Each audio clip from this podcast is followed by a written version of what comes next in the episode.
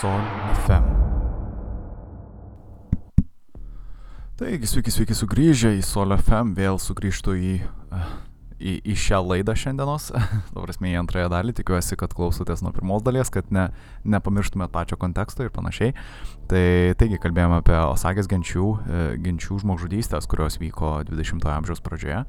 Kaip žinia, pirmojoje dalyje daugiau apibrėžiau, e, na, ap, apdėliau visą tą patį kontekstą, bandžiau papasakoti, kaip viskas vyko, daugiau mažiau, kas, kas per laikotarpis buvo, kaip e, Osagės e, e, gentis, ta prasme, gavo tam, tikrą, tam tikras, ta prasme, teritorijas, tam tikras žemės, iš kurių vėliau, kaip paaiškėjo, jos buvo labai, labai geros žemės, kuriuose buvo daugybė naudingų išteklių, naftos ir panašiai.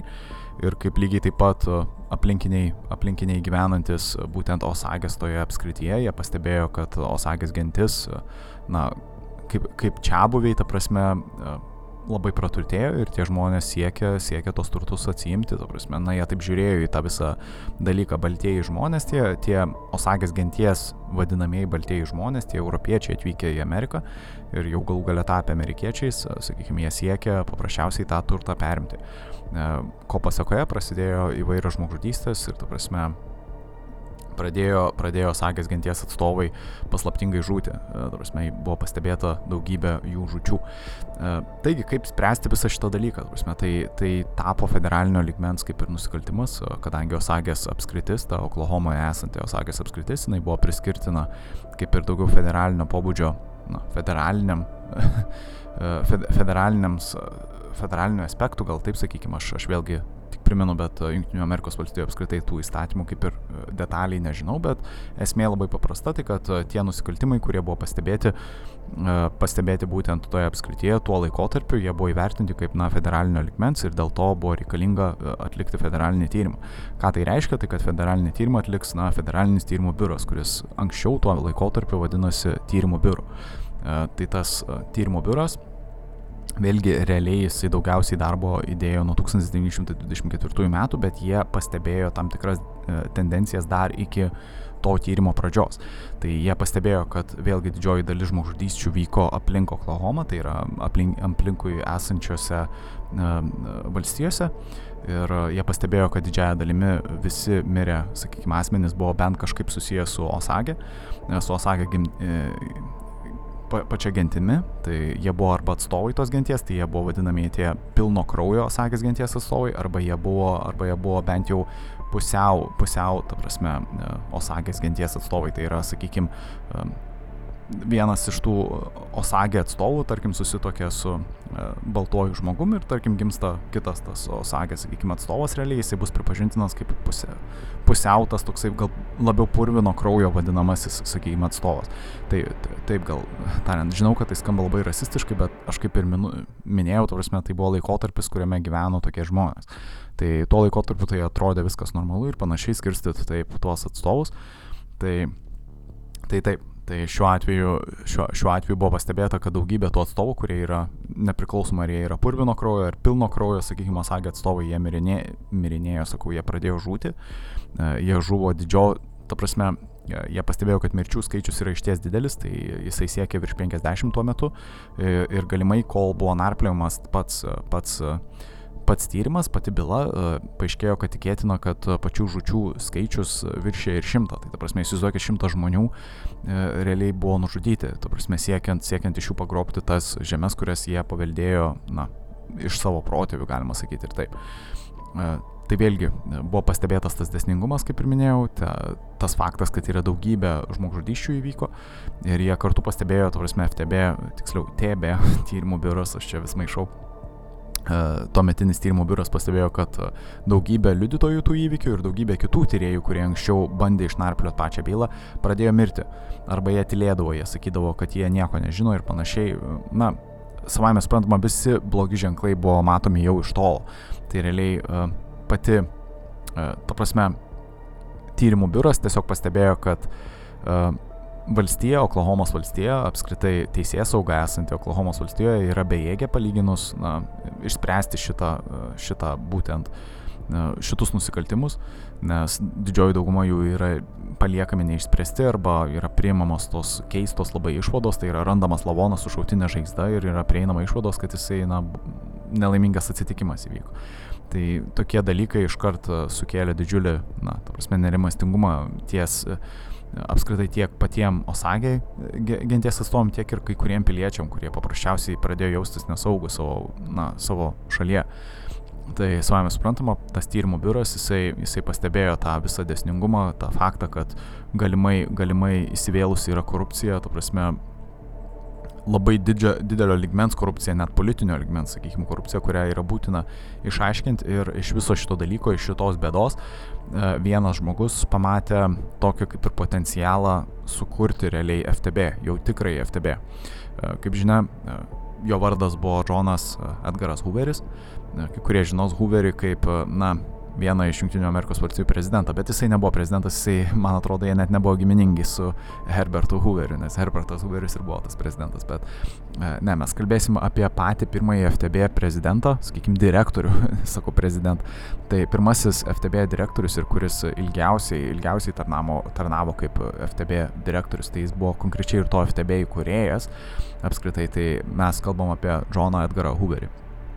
Tai jisai matė potencialą šitoje byloje kaip galimybę sukurti FTB, nes jisai, jisai norėjo parduoti tą, e, kaip čia pasakius, tą idėją, kad e, pačiai valstybei, ta prasme, reikia turėti federalinį tyrimų biurą, kuris spręstų tokio pobūdžio bylas, kurios būtų labai sudėtingos, labai didelį atgarsį turinčios ir labai svarbios, sakykime, bylos. Tai jisai matė iš, šito, iš šitos bylos ne, ne kažkokią baimę ar kažkokią na, bėdą didžiulę, bet jisai matė daugiau, daugiau galimybės. E, ir tuo, tuo atveju, kaip ir minėjau, federalinis tyrimo biuras apskritai jisai na, buvo įkurtas Džono Edgaro Hooverio tik tais 1935-aisiais, bet Šiuo atveju jisai turėjo galimybę parodyti, ką gali padaryti tas tuometinis tyrimų biuras tam, kad jisai vėliau galėtų sukurti federalinį tyrimų biurą. Tai čia šitoji byla buvo pirmoji, ta vadinamoji, bent jau toje knygoje, kurią aš minėjau, kaip ir skaičiau, e, buvo vadinamoji ta tokia kaip ir e, gimimas to federalinio tyrimų biuro. Ir kodėl taip dažnai yra sakoma, dėl to, kad e, siekiant iš, išnarplioti visą myslę, buvo pasitelkiamos pirmą kartą realiai tokios kaip ir, na, įvairios technikos, kurias naudoja iki šiol, sakykime, kriminalistai, tiek ir iki teisinio tyrimo tyrėjai, sakykime, ir panašiai buvo, buvo naudojami apgaulė ir panašiai siekiant išaiškinti visą, visą sakykime, myslę.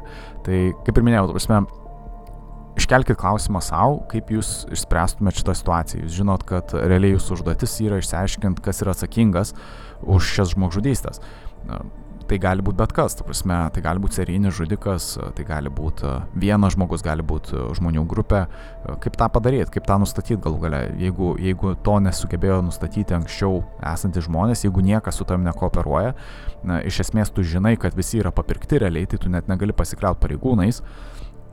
Ką daryti, ta prasme, jūs suprantat, kas čia per situacija, tu prasme, nes dažniausiai, na, policininkai, kaip pavyzdys, jie dažniausiai bendrauja su savo kolegom, tai jeigu yra kokia nors problema, tu kreipiesi į kolegas, kurie yra iš kito poskirio, kaip pavyzdys, na, esu Kaune policininkas, kažkas atsitiko, na, Vilniuje, tai Vilniaus kolegos galbūt kreiptųsi į mane dėl kokių nors patarimų arba atvirkščiai, arba aš kreipčiausi juos. Na, čia gal ne visai panašus pavyzdys čia Lietuvoje, bet kaip pavyzdys, ką aš norėjau pasakyti, kad, na, teisės sauga dažniausiai teisėsauga dažniausiai bendrauja su vieni kitais. Ir čia šiuo atveju to padaryti nelabai pavyko, nes, nes teisėsauga Oklahomoje apskritai jie buvo bejėgiai, jie, jie nieko, nei, nei jie kooperavo, nei jie sugebėjo ištirti paprasčiausių tyrimų.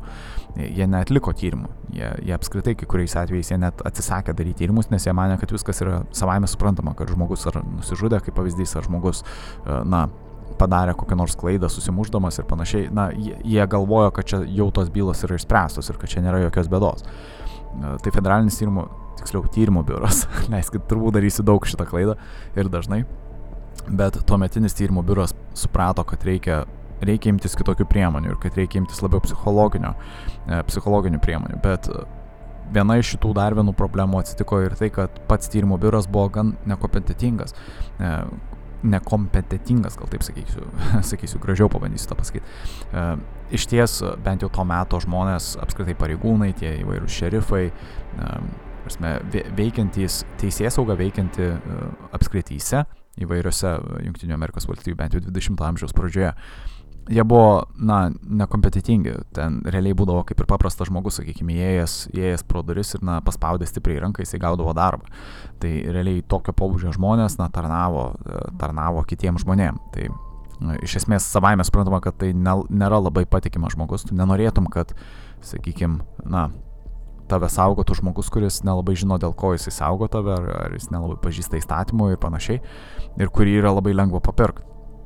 E, Ta suprato Džonas Edgaras Hooveris, jisai suprato, kad e, tyrimų biuras, tas dabartinis, tuo metinis tiksliau tyrimų biuras, e, prieš jam pradedant narplio čia bylą, jisai turi būti pasiruošę šimtų procentų. Ir, ir Hooveris, na, kai jisai tapo direktoriumi, tyrimų biuro, nes jisai pirmiau tapo tyrimų biuro e, direktoriumi 24 metais, o vėliau tik tais jisai sukūrė FTB ir jisai tapo jau to tikrojo federalinio tyrimų biuro direktorius nuo 35 metų ir jisai tarnavo iki pat 72 metų, tai labai ilgą laikotarpį, nes kaip žinia, e, tyrimų biuro, federalinio tyrimų biuro direktorius dabar gali, na, berots tarnauti tik tais 10 metų kadencijai maksimum. Bet, na, jisai nors ir buvo gan kontroversiška apskritai asmenybė, daug kas apie jį yra nusistatę ne, negatyviai, bet jisai iš ties pasirodė labai gerai šitoje byloje, nes nepaisant to, kad jo amžius buvo palyginti jaunas, jisai tera, fe, federalinio tyrimo, apskritai tyrimo biuro, kaip ir minėjau, 24 metais tapęs direktoriumi, jisai buvo vos 30. Tai, tu prasme, sunku net paaiškinti, bet įsivaizduokit, jūs, jūs tampa tokio valstybinio organo kaip, na, tyrimų biuro, tu prasme, direktorius vos būdamas 30, iš ties jaunas žmogus, iš ties nepatyręs galbūt žmogus ir tu dabar turi, turi sukurti tokį, tą, na, iki teisminio tyrimo, tą organą, sakykime, taip tobulai, kad realiai tie žmonės, kurie dirba tenais, jie taptų labai protingi, sakykime, labai išmanus, na, tie agentai, tie FTB agentai, apie kuriuos mes šnekam šiandien, sakykime, samokslo visos tas teorijos, apie kurias mes šnekam apie FTB, tai kaip, kaip jie tapo tokiais. Tai būtent va šita byla padėjo tokius žmonės išugdyti, nes e, ką suprato Džonas Edgaras Hooveris, kad e, realiai tuo metinis e, tyrimų biuras jisai yra nekompetitingas, jisai negali išspręsti tos bylos iš esmės, kad žmonės, kurie dirba jame yra, na, kaip čia pasakyti, ūkiškai nevykėliai, jie, jie nelabai galėjo išspręsti šito, šitos bylos ir jos apimties ką jis suprato, tai kad reikia iš esmės, iš esmės imtis tų kraštutinių priemonių, tai yra pradėti darbinti tam tikrus žmonės, kurie atitinka tam tikrus kriterijus, pradėti taikyti daugiau mokslinius metodus, rodyti prestižą. Ir, na, iš esmės čia yra labai įdomus dalykas, ką jisai padarė. Tai iš esmės jisai, na, nustatė tam tikrus kriterijus, kada žmogus gali tapti FTB, sakykime, FTB vėlgi vadinu, aš turiu omeny TB. Tai tuo metinio tyrimo biuro na, nariu, sakykime, agentų, prieš tampant jisai turėdavo atitikti tam tikrus kriterijus. Na, čia ne, mums tai atrodo labai paprasta, ieškantis darbo mes pateikėm savo gyvenimo prašymą, tą vadinamą kurikulum vitae, tai na, CV. E, ir žinoma, savame suprantama, mes per jį bandome apsiginti savo poziciją ir gauti darbą, kaip pavyzdys. E, čia šiuo, šiuo metu mums tai yra įprasta praktika, bet tuo metu, tai kaip ir minėjau, darbai būdavo gaudomi daugiau mažiau tuo principu, kas ką pažįsta ir kas stipriau paspaudžia ranką. Tai Hooveris, aš, aš jį vadinsiu Hooveriu, šioje istorijoje gal šiek tiek lengviau. Hooveris jisai nusprendė, kad reikia mesti šią praktiką, tą rankos paspaudimo praktiką ir kad iš esmės tie žmonės, kurie tarnaus, tarnaus dabar tyrimų biurui nuo šiol, jie turės būti išsilavinę, jie turės pažinoti gerai įstatymą, jie turės pažinoti gerai pačias tyrimo technikas, kaip yra imami, sakykime, piršto spaudai, kokie yra imami įkalčiai, kaip yra nustatoma, nustatoma kas ką, prasme, kokiu kampu buvo šauta ir panašiai, ta prasme, jie pradėjo naudoti tą techniką ir pačias tas metodologijas, prasme, pačių kriminalistiką pačią. Kuo jisai rėmėsi, tai jisai iš esmės jisai, jisai pats buvo, na, pažangus gan teisininkas, jisai norėjo, kad ir jo kolegos ir žmonės, kurie dirbs jo biure, jo vadovavime biure, jisai, kad jis galėtų, ta prasme, kad jis galėtų tiek ir bendrauti su jais kaip su lygiais, tiek ir jie galėtų iš jo pasimokinti arba su juo pasimokinti kartu. Tai jisai tikėjosi, kad jie turės e, tam tikrą teisinį išsilavinimą, kad jie turės patirties teisės saugoje, kad jie bus nepaperkami, ne, ne, bent jau nelengvai paperkami, tai kad jie nebus e, linkę ties korupcija, tai jisai tie, siekia, kad patys agentai, kurie darbinsis į FTB, kad jie būtų, na, turėjo tą švarų, švarų vadinamą na, švarius įrašus, gal taip sakykime, švarę istoriją. Tai jisai tikrindavo, pradėjo tikrinti, ta prasme, agentų, agentų e, istorijas, reputaciją, jisai Jisai norėjo, kad tame tyrimų biure dirbtų tik tais patys ne, neprikaištingiausios, gal sakykime, reputacijos agentai. Jie pradėjo rengtis juodai, čia tas firminis dalykas, tai buvo, jie, jie tapo tai tokie juodais kostiumais apsirengę žmonės, jie solidžiai atrodantis, nes čia vėlgi buvo tas tam tikras psichologinis aspektas, kad žmonės yra linkę labiau pasikliauti tavim kaip autoritetu, jeigu jie mato, kad tu atrodai autorite, autoritetingai. Tai kaip iš esmės čia, čia, čia yra tiesa. Daug tyrimų dabar šiais laikais tai rodo, kad realiai tau net nereikia būti protingu realiai, jeigu tu atrodai protingai, kaip pavyzdys. Nors metu iš ties gali neišmanyti kokio nors dalyko, bet jeigu tu esi su kostiumu, kaip pavyzdys, ir tu kalbi apie tą dalyką, kurio tu neišmanai, gan nemaža dalis žmonių tavim pasikliaus.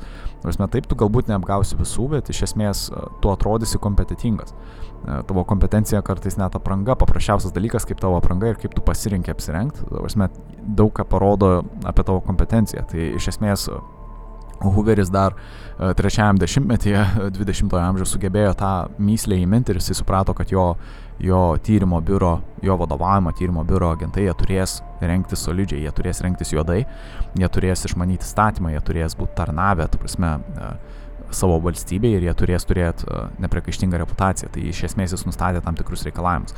Ir vienas iš dar tų uh, svarbesnių reikalavimų, tai jisai palenkia, uh, palenkia tyrimų biuro ties tuo moksliniu metodu ir mokslinio metodo taikymu, kai yra vykdomi patys tyrimai. Ką aš turiu omeny tuo, tai apie mokslinį metodą, tai aš, aš kažkada minėjau, bent jau berots gal praėjusią savaitę, o gal už praeitą savaitę aš bijau suklyst, e, bet iš esmės minėjau apie modernę kriminalistiką ir jos pradžią. Tai realiai jinai prasidėjo nuo vieno prancūzo, vieno prancūzo kriminalisto, e, buvusio vagies, gal sakykim, e, François Vidok.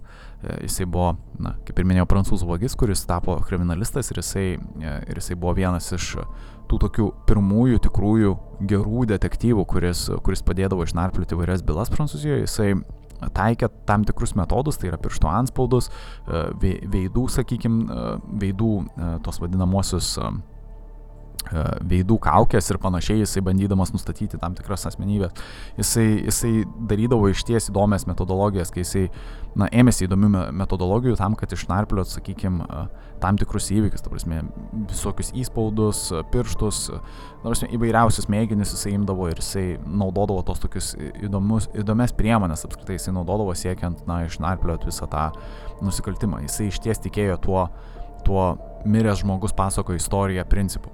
Tai tas, ta, ta kriminologija, nors jinai ir buvo jau, jau 19 amžiuje paplitus, tačiau Junktinėse Amerikos valstijose, kadangi ji buvo, kaip ir minėjau, pusiau taip civilizuota dar šalis Junktinės Amerikos valstijos, tai šis, ši kriminologija, ši modernioji kriminologija dar nebuvo taip paplitusi, bet uh, Hooveris jisai nusprendė ją pradėti naudoti, kad, uh, kad jo agentai, kad jie būtų susipažinę su pačia balistika kaip pavyzdys su balistiniais tyrimais, kad jie suprastų, kas buvo, kas buvo iššauta, iš kokio šovinio, kas, koks, sakykime, koks ginklas galėjo iššauti tokį šovinį ir padaryti tokią, na, tokią, sakykime, žaizdą žmo, žmogaus kūne, ar, ar kada galėjo žmogaus kūnas mirti, kokią, na, kas ką matė ir panašiai, kokiu kampu buvo šauta ir, ir, ir na, įvairūs dalykai ir, ir jo agentai pradėjo remtis tą. Na, iš esmės, ką aš noriu pasakyti, kad tas tyrimo biuras, kuris pradėjo tyrimą nuo 1924 metų, jie pradėjo jį labai, labai profesionaliai. Tai iš esmės tas buvo negirdėta iki šiol. Uh, iki, iki to meto, sakykime, iki pat 24 metų, to prasme niekas nesitikėjo kažko daug, bet būtent tas 30 metis Hooveris, apie kurį na, gan, gan nemažai yra žiniasklaidai blogų žinių, jisai šiuo metu jau nebegyvas, e, nėra tarp gyvųjų, bet jisai iš ties man, mano nuomonė, to prasme, šioje byloje pasižymėjo tuo, na, tuo didžiuliu, didžiuliu, sakykime, potencialu ir, na, protu, sakykime, tuo, tuo tokiu tikruoju tikruoju išmanimu, sakykime, dalykų ir žinojimu, kaip, kaip daug maž spręsti tą bylą, kuri atrodo neišsprendžiama, sakykime. Tai jisai sukūrė tą, tą tyrimų biurą, kuris, kuris buvo išties profesionalus ir kuris ėmėsi tos bylos ir ją realiai išsprendė per du metus e, iki 1926 metų. Tai dabar klausimas yra jum, kaip tą dalyką išspręsti. E, jūs turit profesionalų tyrimų biurą ir, ir jūs turit gan, gan sudėtingą bylą, jūs nežinot, kas ką daro, jūs net nežinot, ar čia žmonių grupė tą daro, ar tai vienas žmogus, kuris tą daro, e, kaip elgtis. Ir, na, tyri, išduosiu iškart paslapti, nes vėlgi mes neturime amžinai laiko, bet e, jeigu susimastėte ar ne, galbūt galvojate apie tai per muzikinę pertraukėlę, bet realiai tą išsprendė įdomiai ir tą, ir tą dabartinis jau federalinis tyrimų biuras iki šiol naudoja tokį, tokį sakykime, metodą. E, bet metodas buvo, gal jis dabar skambės labai paprastai, bet e, iš ties tuo metu tai buvo kažkas unikalaus. E, jie nusprendė, jie nusprendė pasiūsti tam tikrus agentus, kad jie įsi, įsibrautų į patį gyvenimą, sakykime, Osagės gyvenimą, Osagės apskrities gyvenimą. Jie, jie nusprendė įdarbinti tam tikrus agentus, kad jie dirbtų kaip dvigubi pusiau agentai, gal taip sakykime, kad jie gyventų dvigubą gyvenimą. Tai įsivaizduokit, kad jūs, na, tiesiog apsimetat kaip civilis, atvykstat į naują miestą, apylinkės naujas, sakykime, ir panašiai. Tai čia va šiuo atveju jūs atvyktumėt į, į tą minėtąją, ta prasme, Os Osagę apskritį ir jūs atvyktumėt kaip visai šviežias, na, šviežias karjeros siekiantis galbūt baltasis žmogus ir jūs paprasčiausiai dirbtumėt ir, ir iš esmės gyventumėt tą civilio, civilio gyvenimą, bet gyvendamas tą civilio gyvenimą jūs kartu ir vykdytumėt tą, tą tyrimo biuro nurodymą konkretų, tai išsiaiškint, kas vyksta vis dėlto, kodėl tos mirtis vyksta ir kodėl jos yra tokios dažnos ir jos yra surištos būtent su Osagės gentim ir kas galbūt tą daro. Tai čia yra įdomus labai metodas šiaip. Ir jis, jis buvo paremtas realiai psichologija, kad visų pirma reikia baltųjų žmonių, nes baltieji žmonės, ta prasme, nors ir jie nėra patikimi pačios osagės, bet uh, jie yra labiau patikimi tų žmonių, kurie galimai gali daryti nusikaltimus. Tai tyrimų biuras spėjo, kad tikėtina, kad tuos nusikaltimus daro bent jau baltieji, kad osagė patys vienas kito nežudo tikriausiai ir kad tikriausiai tą daro išorinė kokia nors jėga ir, ir tikriausiai iš, iš, arba iš pavydo, arba iš uh, noro pasipelnyti. Ir, ir tas, tas, sakykime, instinktas tyrimų biuro tuometinio, prasme, pasiteisino, jie iš esmės išsprendė tą bylą, kaip paaiškės vėliau, bet, kaip ir minėjau, metodas buvo labai įdomus, bent jau mano nuomonė. Jie išsiuntė iš viso bent jau žymiuosius keturis žmonės, keturis agentus, kurie du metus, du metus gyveno tarp, tarp Osagės, tiek tarp Osagės, sakykime, genčių atstovų, genties atstovų, gal taip pasakyti, tie, tiek tarp Osagės genties atstovų, tiek ir, tiek ir pačioje Osagės apskrity. Tai jie gyveno Oklahomui, apskritai toje vietoje, ten, kur buvo daugiau mažiau vykdomos tos, nu, kur vyko vis, visas tas veiksmas, visos tos žudynės vyko. Ir, ir jų tikslas buvo paprasčiausiai natirti visus tos įvykius, bet kartu ir neišsiduoti, kad jie yra tiesiog paprasti žmonės. Tai aš kaip ir minėjau, buvo keturi agentai, jie buvo išsiusti apsimesti tuos tais civiliais Tai kaip pavyzdys vienas, vienas iš agentų buvo draudimo, draudimo brokeris, kaip pavyzdys, kitas buvo kaip uh, galvijų, par, galvijų pardavėjas, sakykime, pirkėjas pardavėjas, na, galvijų augintojas, kažkas panašaus. Uh, dar vienas buvo susirištas su medicina, sakykime, ir dar vienas buvo na, naftos, naftos, sakykime, besidomintis naftą, naftos telkiniais magnatas ar kažkas panašaus. Tai įsivaizduokit, keturi agentai, visi keturi turi savo fabulą, savo istoriją. Ir jie, aišku, jie veikia kaip aktoriai, jie realiai apsimeta, kad jie tokie yra, bet jie turėjo, na, gyventi tokį gyvenimą, tą tokį dvigubą agento gyvenimą, tuos du metus, nuo 1924 iki 1926 metų. Tai iš ties labai įdomiai sugalvota buvo, bet realiai jie taip ir sugebėjo išspręsti tą bylą, kurios niekas nesugebėjo išspręsti jie sugebėjo tą padaryti per du metus. Tai čia yra išties labai įspūdingas ir didžiulis laimėjimas, ta prasme, tam to meto tyrimo biurui ir tai yra didžiulis laimėjimas ir Hooveriui, kuris vėliau remiantis na, šiuo pasiekimu jisai sugebėjo kurti ir, ir, ir tą dabartinį šių dienų modernųjį federalinį tyrimų biurą galų gale. Tai realiai taip, pats nusikaltimas buvo išaiškintas per, per konkrečius keturis agentus. Na, ne visai gal per keturis agentus, aš pasitikslinsiu per daugiau žmonių, bet tie keturi agentai buvo viena iš esmių, kaip, kaip buvo išaiškintas tas nusikaltimas. Tie agentai pradėjo gyventi e, netikrus gyvenimus, e, pačioje toje osa, Osagės apskrityje. Kol jie gyveno, kol jie gyveno tos netikrus gyvenimus, jie susitikdavo, sakykime, vakarais arba kai kuriais laikotarpiais tarpusavį. Kartais po du žmonės, kartais visi keturi, bet jie stengiasi neišsiduoti, jie visada susitikdavo tam tikrais momentais, e, jie, jie pasidalindavo informaciją, kurią sužinojo tarpusavį ir jie kartu pradėjo kooperuoti su Osagė. E, Osagė šiaip nepasitikėjo baltai žmonėm, nes kaip ir minėjau, e, Osagė nukentėjo nuo jų, tai jie galvojo, kad jie bus tiesiog eiliniai žudikai, kurie siekia, na kaip pavyzdys, sudaryti santoką ir, ir nunuodyti, sakykime, savo sutoktinį. Bet e, vėliau su laiku Osagė pradėjo, pradėjo pasitikėti ir pradėjo pasakoti lygiai taip pat, na, savo išvalgas ir savo teorijas. Nes kaip aš minėjau, Osagė buvo ant tos tinkamos linkmės, tiekmės ėjo. Ir jie iš, iš esmės žinojo, kas daugiau mažiau yra atsakingas už pačią, pačią žmogžudystės. Ir, ir tai labai iš ties padėjo patiem agentam, kurie tą, tą patį aiškinusi. E, dabar viena iš svarbiausių galbūt detalių, ką aš noriu pabrėžti, tai dar ir pati įstatyminė galbūt bazė to metu. Tai Junktinės Amerikos valstijos e, kongresas bent jau e, priėmė tokį kaip ir, sakykime, įstatymą, kuriame, kuriame buvo nustatyta tokia taisyklė, kuri skamba iš ties keistai, bet kad kiekvienas čia buvis, realiai, re, realiai Osagė, Osagė čia buviai, jų genties atstovai, sakykime, jie turėdavo turėti po vieną baltaodį, baltaodį, kuris būtų jų kaip net nežinau kaip aiškinti, kaip jų turto sergėtojas ar kažkas panašaus. E, kaip žmogus atsakingas už jų, na, kaip turto administratorius, gal taip sakykime. Globėjas ar rūpintojas, na, kažkas panašaus kaip globėja arba rūpintoja mūsų, mūsų atveju. Gal aš net nežinau, ar čia tiksliai labai pasakau, bet realiai buvo primtas toks įstatymas, kad realiai tie Osagė didžiulio turto turėtojai, kad jie kartu turėtų ir savo kokį nors globėją, tą savo turto administratorių, kuris realiai spręstų dėl jo turto likimo. Tai čia, įsivaizduojate, čia skamba neįtikėtinai, tai prasme, įsivaizduokit, jūs, jūs paveldit didžiulį turtą, tarkim, nekilnojamą turtą, sakykime, ar kilnojamą, nesvarbu, bet kažkokį didžiulės vertės turtą. Ir staiga vietoj to, kad jūs galėtumėt pradėti naudoti, ar, ar jį parduoti, ar jį kaip nors, na, nežinau, išnuomot, ar kažkas panašaus, vietoj to jūs gaunat, na, turto administratorių iš karto jums paskiria, kuris realiai sprendžia jūsų šitus reikalus ir komercinius šitus dalykus. Jūs negalite realiai valdyti savo turto be savo turto administratoriaus, sakykime, leidimo.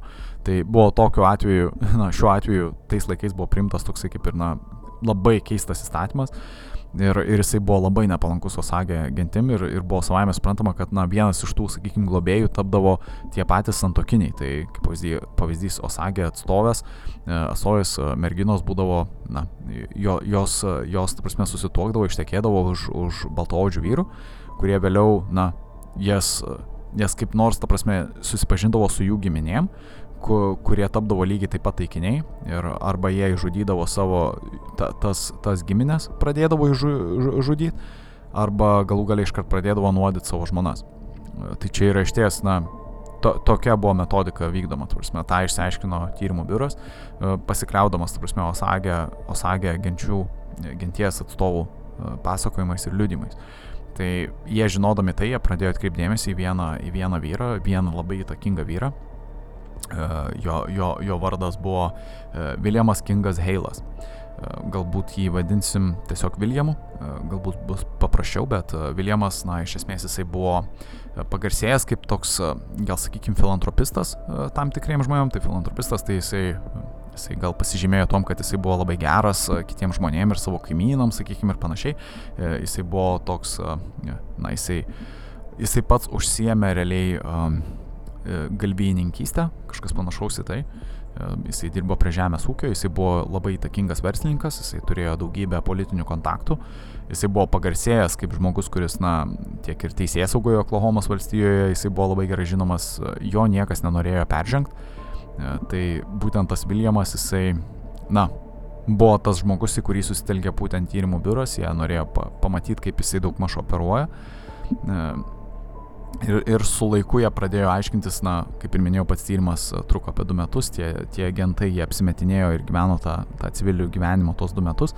Ir jie pradėjo, na, paaiškėjo, kad Viljamas, e, Viljamas pasitelkęs dar kelis asmenis, iš viso dar tris žmonės, tai iš viso apie keturių žmonių organizuota grupė, e, vykdė šios nusikaltimus. Tai kad šios žmogžudystės vyko būtent, būtent na, or, organizuotos šių keturių žmonių. Tai Taip, tai, taip ir buvo paaiškinta, bet e, čia yra, čia, čia yra ganėtinai sudėtingas vėlgi tyrimas, aš jį labai paprastai apipavydalinau ir tikiuosi, na, tikiuosi jums tai sudomino, bet, na, pa, paprastai tariant taip. E, tyrimų biuras paprasčiausiai pastebėjo, kad na, pats, pats, e, pats Viljamas, jisai tų žmogžudyščių galbūt netliko visų, jisai pasitelkdavo dažniausiai savo sunieną, kaip pavyzdys, Ernestą Burkhartą, na, dar kitaip vadinsim jį tiesiog Ernestu. Tai Ernestas buvo serijinis žudikas, jisai, jisai vėlgi, kaip ir minėjau, jisai buvo vienas iš tų žmonių, kuris laikė uh, Osagę, žmo, Osagę gen, genties atstovus uh, apskritai gyvuliais. Ir pats Ernestas, bent jau stovėdamas, ta prasme, jau ant tų teisiamųjų suolo, jisai apskritai, na, jisai pats pasakė, kad jisai viską, ką jisai darė, tai jisai tik siuntė, siuntė žinutę iš savo dėdės. Kad jisai kitam asmeniui perduodavo žinutę iš savo dėdės, kad jisai apskritai nieko nenužudė, jisai tą turėjo menį. Bet uh, su laiku, to prasme, tyrimų biuras, uh, tyrimų biuras tuo metu tirdamas, pa, tirdamas pačią bylą, jisai uh, pastebėjo tam tikrus netitikimus, to prasme, jo istorijoje Ernestas Ernestas atrodė labai nekaltas galbūt teisimųjų suolė, bet kaip paaiškėjo, viena įdomi istorija. Viena iš paskutiniųjų Osagės, vienos iš Osagės genties giminių, gal sakykime, nes kaip žinia, gentis sudaro daugybę giminių, tai viena Osagės giminė, realiai, kurią sudarė, sakykime, daugybė žmonių, pradėjo na, pradėjo tie žmonės, e, savame suprantama, jie pradėjo žūti įvairiomis aplinkybėmis. Ir kas atsitinka, tai kai tie žmonės žūsta, jų turtą paveldi, sakykime, koks nors kitas e, tos giminės atstovas. Tai įsivaizduokit 10 giminės atstovų, jūs esat vienas iš jų, 9, 9 atstovai jūsų giminės žuvo, jūs paveldėjot visus, visus to, tų 9 žuvusiųjų giminės atstovų, uh, prasme, visus, visus įmanomus turtus. Uh, ir ta prasme, jūs tapo dabar jau, jau ir tai buvo turtingas, sakykime, kaip Osagės genties atstovas, jūs jau buvo turtingas, bet dabar jūs esate dar turtingesnis, nes jūs dar iš savo, savo ta prasme, genties giminės, ta prasme, atšakos, e, paveldėjot visą tą turtą. Tai jūs tapo tuo pagrindiniu taikiniu ir staiga jūs susitokėt su tuo, su tuo minėtoju rūpintoju, su tuo turto administratoriu, su tuo savo vyru, čia, čia gal labiau moterim aktualu ir realiai jūs tapot kaip ir paskutinioji giminės atstovė. Tai čia, čia aš apie ką kalbu, tai yra reali situacija, kuri iš tikrųjų ištiko. Tai iš esmės to, tokia Molly Burkhardt, jinai buvo paskutinioji Osagės, Osagės viena iš tos giminės atstovių. Jinai buvo viena iš Osagės genčių. Ta prasme, mergina ir, ir iš esmės jinai buvo susitokus su tuo Ernestu, vadinamoju serijiniu žudiku. Kuris, kuris pradėjo ją nuodyti. Jinai pradėjo jaustis pastaruoju metu blogai. Jinai, jinai, prasme, mėgdavo iš Ernesto, kaip pavyzdys, gauti gėrimus, e, įvairius dovanų ir panašiai. Ir jinai atsigėrus tų gėrimų, jinai jausdavosi blogai. E, kaip žinia, tais laikais gauti nuodų būdavo sudėtinga, ypač dideliais kiekiais, nes e, dažniausiai nuodus parduodavo, e, parduodavo daktarai, bent jau tuo, lai, tuo laikotarpiu. Žinau, kad tai skamba labai keistai, bet taip, daktaras, daktaras parduoda ir nuodus. Kodėl, kodėl taip skamba tai keistai, bet labai paprastas paaiškinimas, tai daktaras gali parduoti vaistą arba daktaras gali parduoti vaistą didesnę dozę. Ir kaip žinia, jeigu tu gauni vaistą didesnę dozę, tai tampa ne vaistu, tai tampa nuodu. Bet jeigu, tarkim, paprastas žmogus prieina ir paprašo, na, tarkim, daktaro, kad duokit man šitų vaistų, sakykime, bet milžinišką dozę. Arba jeigu pradeda lankytis pas tą patį daktarą daugybę kartų ir prašo to paties vaisto, daktaras supras, kad jūs, jūs perkat nuodą, o ne vaistą šiuo atveju. Na čia taip ūkiškai labai tariant, tai tais laikais tai būdavo daroma ir, na, ta prasme, būdavo draudžiama, kaip pavyzdys, na, nusipirkti dideliu kiekiu tam tikrą vaistą. Tai uh, Visų papirkti galbūt neišeina, ne visus daktarus pavykdavo papirkti pačiam Viljamui, bet jo sunienas, tas, tas Ernestas, kaip ir minėjau, jisai, jisai susitokė, susitokė su, Mo, su Moli, kuri buvo paskutinioji, paskutinioji to, vienos iš Osagės genčių giminių, sakykime, atstovė. Ir jisai pradėjo ją nuodyti po truputį per gėrimus, per alkoholinius įvairius gėrimus. Ir, ir Moli buvo labai, na, jinai buvo labai krikščioniška, jinai buvo katalikė, jinai dažnai lankydavosi bažnyčioje ir jinai vienu momentu jinai papasakojo, papasakojo kunigui istoriją, kad jinai, na, jinai kaip ir išpažino savo kaltę tam tikrą prasme, jinai, kad jaučiasi kalta, kad jinai galvoja tokius blogus dalykus apie savo vyrą, bet jinai pasakė, kad jinai jaučiasi taip, lik jos vyras bando ją apnuodyti. Ir kunigas suprato daugiau mažiau, kas vyksta. E, jisai jai liepė visų pirma negerti jokio alkoholio ir nepriimti jokių gėrimų iš jos vyro. E, ir, ir Moli, Moli pradėjo tą daryti, to prasme šią praktiką pradėjo daryti, jinai kartu ir kooperavo su tais tyrimo biuro e, atstovais. Patys, pats tiksliau kunigas, jisai lygiai taip pat buvo su juo susisiekta iš, iš tyrimo biuro ta prasme, tų agentų. Tie, kurie, kaip ir minėjau, tie keturi, kurie apsimetinėjo įvairiais, įvairiais draudimo brokeriais ir panašiai. Tai jie, jie pradėjo gauti tą pasitikėjimą iš aplinkinių, kai jie gyveno tą paprastą civilinį gyvenimą. Ir galų galia tiek kunigas, tiek Moli e, padėjo, padėjo tyrimo e, biuro atstovom, ta prasme, tiem agentam išsiaiškinti, kad ją nuodė. Ir tas Ernestas, tas, tas Viljamo, Viljamo sunienas, jisai buvo pagautas, jie, jie ta prasme iš karto išsiaiškino, jisai, jisai realiai pripažino kaltę, jisai pasakė, kad taip, jisai, jisai buvo atsakingas už daugybę žmogžudysčių. Čia iš tikrųjų tikslus skaičius tų žmogžudysčių nėra žinomas, bet berots patį Viljamą, net ne jo sunieną, bet patį Viljamą nuteisė už, už daugiau kaip, na, už bent vieną, už bent vieną žmogžudystę tikrai nuteisė, bet jisai buvo įtariamas dėl virš 20 įvykusių žmogžudyščių. Tai čia yra išties daug. Bet jeigu buvote atidus, tikriausiai suprasit, kad čia yra keista, nes pats, pats tyrimų biuras dar prieš priimdas, priimdamas bylą, jisai pastebėjo, kad, na, žmogžudystės buvo įvairiose, na, įvairiose, įvairiose valstijose supančiose Oklahoma, bet ir kartu jų buvo daugiau. Jų nebuvo 20 ar 30, jų buvo na, daugiau negu 50 ir jų, ir jų buvo net ir laikotarpiu, kuris vyko prieš 21 metus. Ir kartu jie suprato, kad jų buvo, na, gal netikėtina daugiau nei šimtas tų žmogžudyšių. Tai kad net jeigu mes pasikliaunam Viljamu, kažkaip skaičius yra vis tiek per mažas. Na, vienaip ar kitaip Viljamas, ta prasme, Viljamas ir jo trupė buvo nuteisti, čia, čia, čia ne tas esmė, bet ką aš noriu pasakyti, kad net ir atrodo geras tyrimas atliktas, tačiau jis nebuvo atliktas taip, kad išaiškinti viską. Todėl dėja, na, vis tiek nepavyks man įminti visos mislės, kas, kas už ką buvo atsakingas. Čia, čia dėja, bet esmė labai paprasta, kaip ir minėjau, tai uh, pats Ernestas jisai pradėjo nuodyti savo žmoną ir tai buvo vienas iš kertinių uh, pačio tyrimo momento.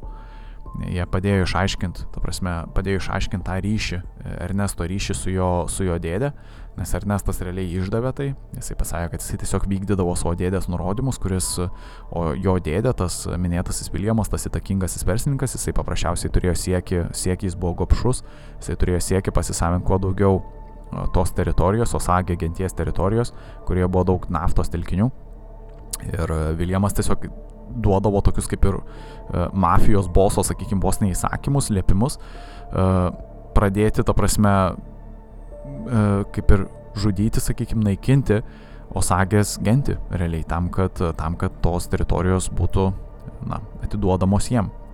Tai būdavo toks planas. Ir realiai, realiai šio, po šio tyrimo jisai 26 metais kaip ir užsibaigė, 1926. E, dėl to buvo teisiami keturi iš viso asmenys, e, pats teismas vyko iki net 3 metus, ta prasme, iki 1929 metų.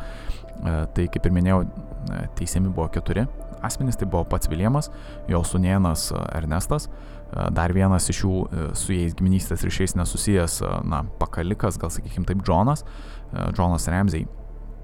Ir galų gale dar vienas, dar vienas, na, toksai, gal sakykime, daugiau toks huliganas, jisai nebuvo tiek daug prisidėjęs galbūt prie visų žmogžudyšių, bet jisai vis tiek buvo vienas iš pakalikų, taip ūkiškai tariant, tai Kelzai, Kelzai Morrison. Tai iš viso keturi asmenys, tarsi, buvo teisiami, Kelzai, Kelzai iš karto buvo atleistas nuo atsakymybės, kadangi jisai kaip ir padėjo pačiam tyrimui, jisai irgi taip pat padėjo išaiškinti, kas už ką buvo atsakinga, atsakingas, kas vėlgi man, man galbūt nelabai patinka ta tokia teisinė tvarka, ta tokia santvarka, bet prisiminkim, kad čia buvo 20-ojo amžiaus pradžia ir realiai žmonės nusikaltėliai realiai galėdavo sudaryti tokius kaip ir sandorius su teisės saugo, kad jeigu, sakykime, aš tau padedu, aš tau padedu iš, išaiškinti išaiškint kokį nors nusikaltimą, aš būsiu atleistas nuo atsakomybės. Na, taip seniau veikdavo, sakykime, ta visa idėja. Bet realiai tas veikia ir man atrodo ir iki šiol, bent jau mūsų baudžiamajame procese, žmo, žmogui gali būti, na, sakykime, tam kaltinamajam,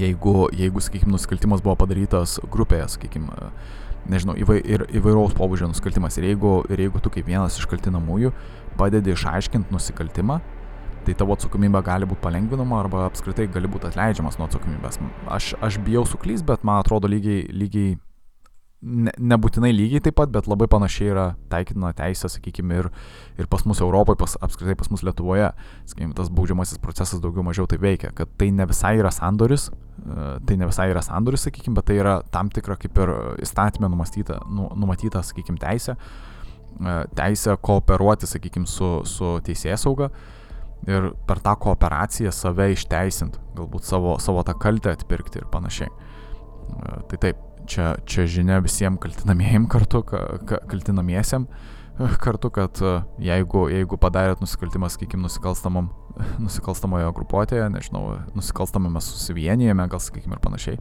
jūs turite šansą galbūt susimažinti savo atsakomybę, jeigu išduosit savo kolegas. Nes kaip žinia, nes kaip žinia tarp vagių, tarp vagių sažiningų žmonių nėra.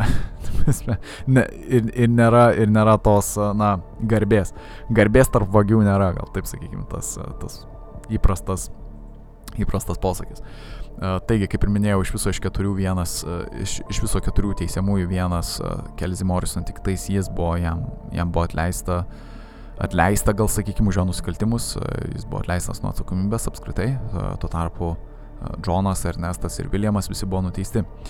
Dabar problema yra tame, kad, na, nepaisant to, kad jie buvo nuteisti, jie vis tiek buvo liktinai paleisti. Tai čia vėlgi ta įstatyminė, sakykime, gal spraga, nes aš, aš nelabai gal suprantu tų argumentų, aš nelabai ir gilinausi dėl argumentų, kodėl buvo liktinai paleisti žmonės, kurie buvo išties nuteisti už žmogžudystės. Prasme, tai yra sudėtingas galbūt dalykas, gal tai buvo ir politiškai motivuotas dalykas, nepamirškim, kad Viljamas buvo labai ir politiškai e, svarbus asmo, sakykime, jisai nebuvo pats politikas, jisai buvo įtakingas verslininkas ir, na, įtakingas žemės ūkio, sakykime, žmogus, e, ūkininkas, e, galvininkystė ir panašiai, bet e, Jis kartu buvo ir labai labai, na, įsiterpęs į visą tą politinį, sakykime, žaidimą. Tai galimai tas liktinis paleidimas buvo motivuotas uh, politiškai. Aš, aš nenoriu dėl to ginčytis, nenoriu dėl to turėti kažkokių debatų, bet gali, gali būti, kad taip, taip ir įvyko.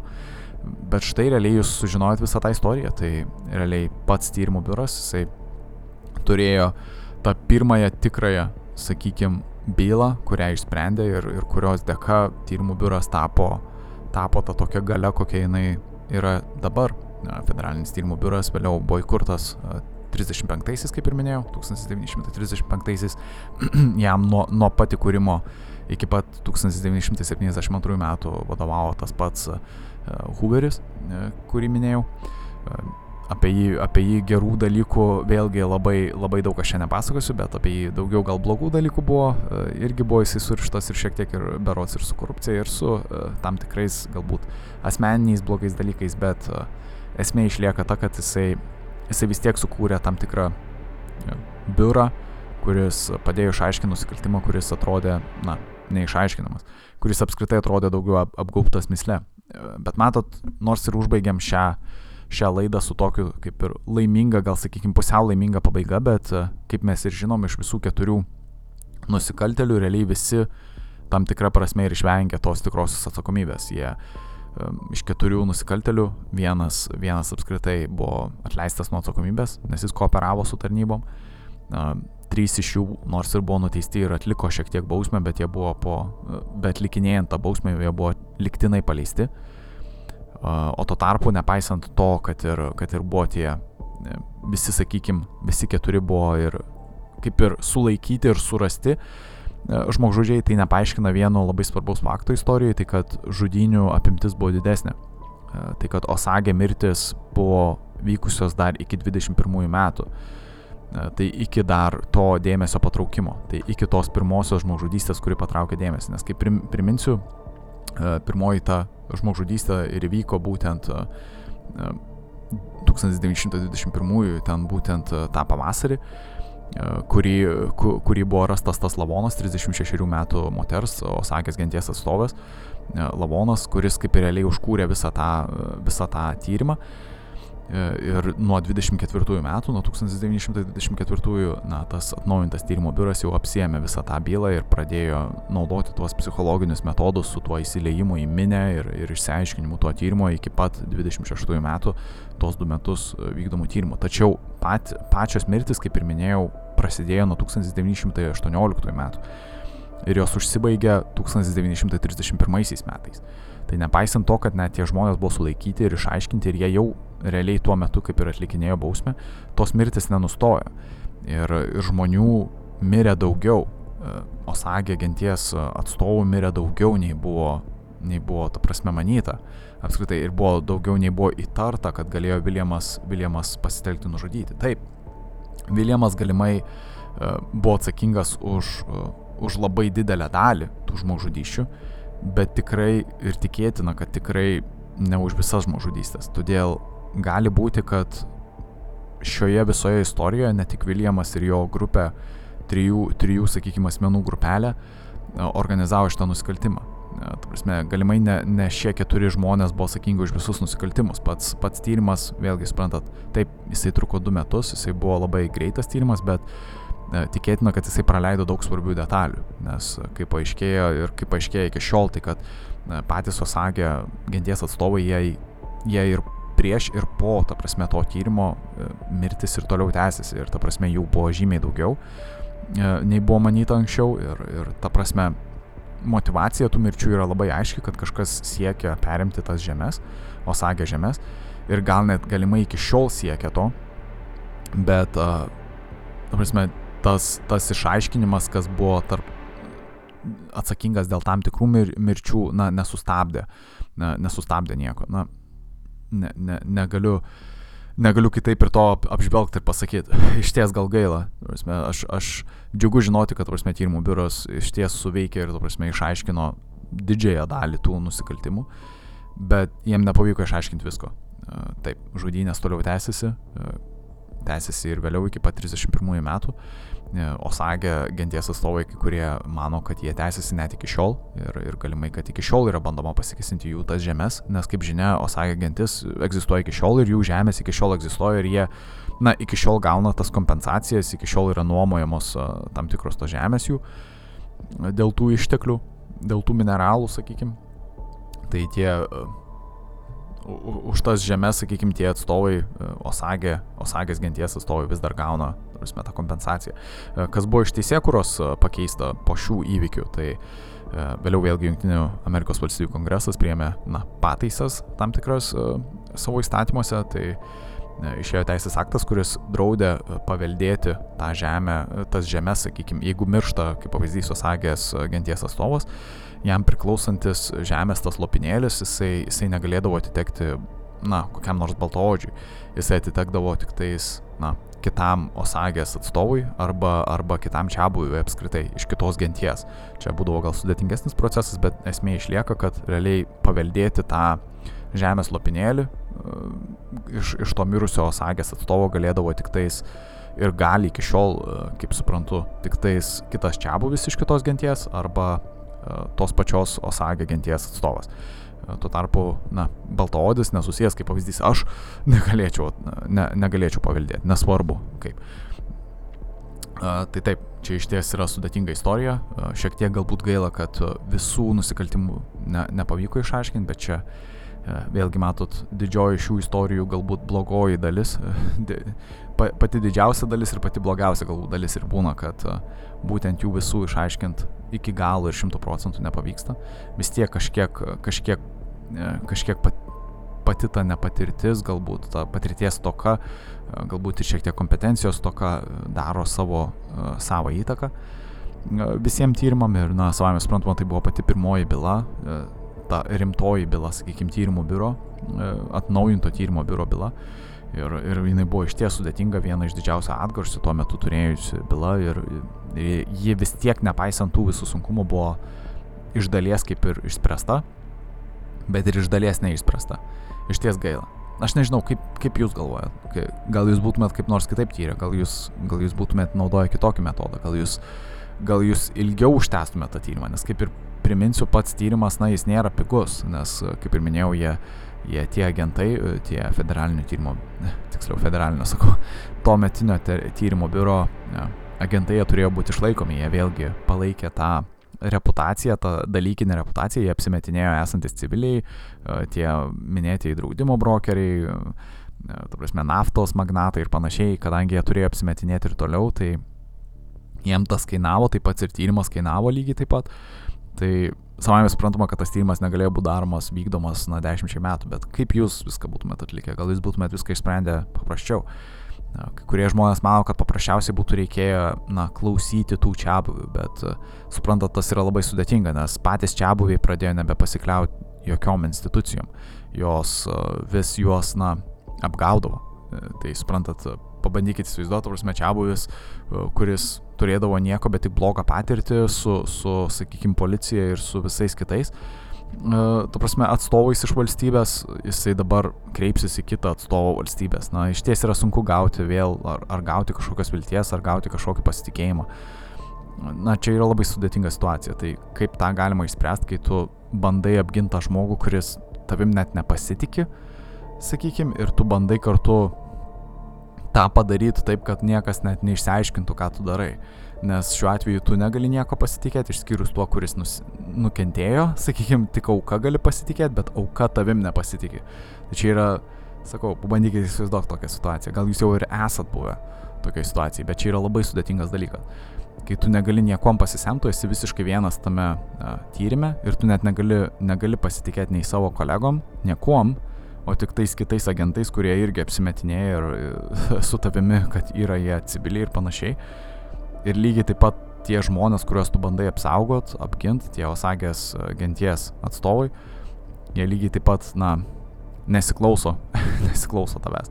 Jie, jie tavim nepasitikė. Labai sudėtinga situacija, bet e, matomai kažkiek bent jau iš dalies jiem pavyko tą išspręsti tyrimų biurui. Tai tas yra sveikintina ir, na, Taip, tuom ir užbaigiam šios dienos, kaip ir e, šios dienos šio vakaro, gal sakysiu tiksliau, um, bylą. E, tikiuosi patiko ir tikiuosi, tikiuosi, na, nebuvo labai nuobodu ir tikiuosi nepraleidau per daug faktų. E, nes matot, vėlgi, kaip ir minėjau, yra labai sudėtinga palaikyti šitokį ritmą. Karts nuo karto galiu, galiu praleisti vieną kitą dalyką, vieną kitą faktą. Bet kaip ir minėjau, čia yra šviečiamo ir kultūrinė laida, laidos. Ir na, tikiuosi, kad jos tokios ir išliks, tokios šviečiamosios ir kultūrinės, nepaisant to, kad ir karts nuo karto aš, aš padarau kokią nors klaidą, na, ten tų, tar, tarp tų faktų, sakykim. Bet man gal svarbiau sužinoti jūsų nuomonę šiaip. Ir kaip visada, to aš jūsų ir prašau, papasakokit. Bus visada įdomu išgirsti iš jūsų. Tai taip, lauksiu to ir nepaisant visko, kartu ir uh, palinkėsiu sėkmės, laukit naujienų toliau mūsų socialinėse medijose, turėsim užuominų apie kitą laidą, apie kitos, e, kitos savaitgalio laidą, o iki to laiko galit prisijungti rytoj, mes kalbėsim apie kelionės laiku, apie įdomią samokslo teoriją, čia bus jau kaip ir pramoginė laida. E, tai kaip visada jūsų lauksim ten. O iki to laiko galit pasiklausyti muzikos, likit su Sol FM, išgirskit toliau Sol FM ir semkitės gero skonio, net nežinau kaip tą kitaip, kaip tą kitaip pateikti. Bet sėkmės jums, sėkmės ir lauksim jūsų rytoj. Paskambinkit, parašykit, nežinau, susisiekim. iki, iki.